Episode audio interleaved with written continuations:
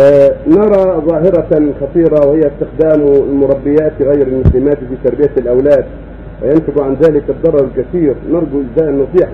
المسلمين وجزاكم الله خيرا.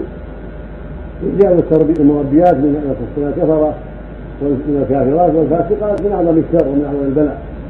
وقد صدر تعميم من وزير الداخلية في منع ذلك وأن يستخدم هؤلاء ولكن نسأل الله أن يظن بالتنفيذ المقصود أن استخدام الكافرات مطلقا أمر ممنوع.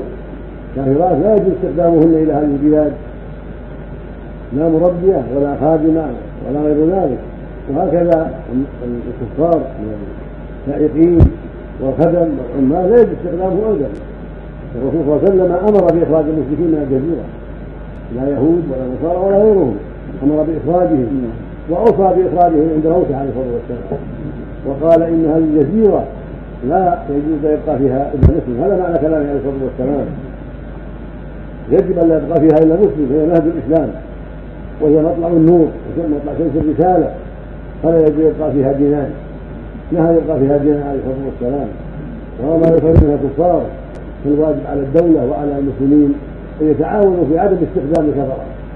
واستخدام المربيات والخادمات شره كبير إذا كن كافرات وهكذا يكون فاسقات فاذا كان ولا بد فيكون مسلمة مستقيمه إذا دعت الحاجة إلى وكلة أما كافر فلا. وهكذا العامل الكافر السائق الكافر لا يجوز استخدامه.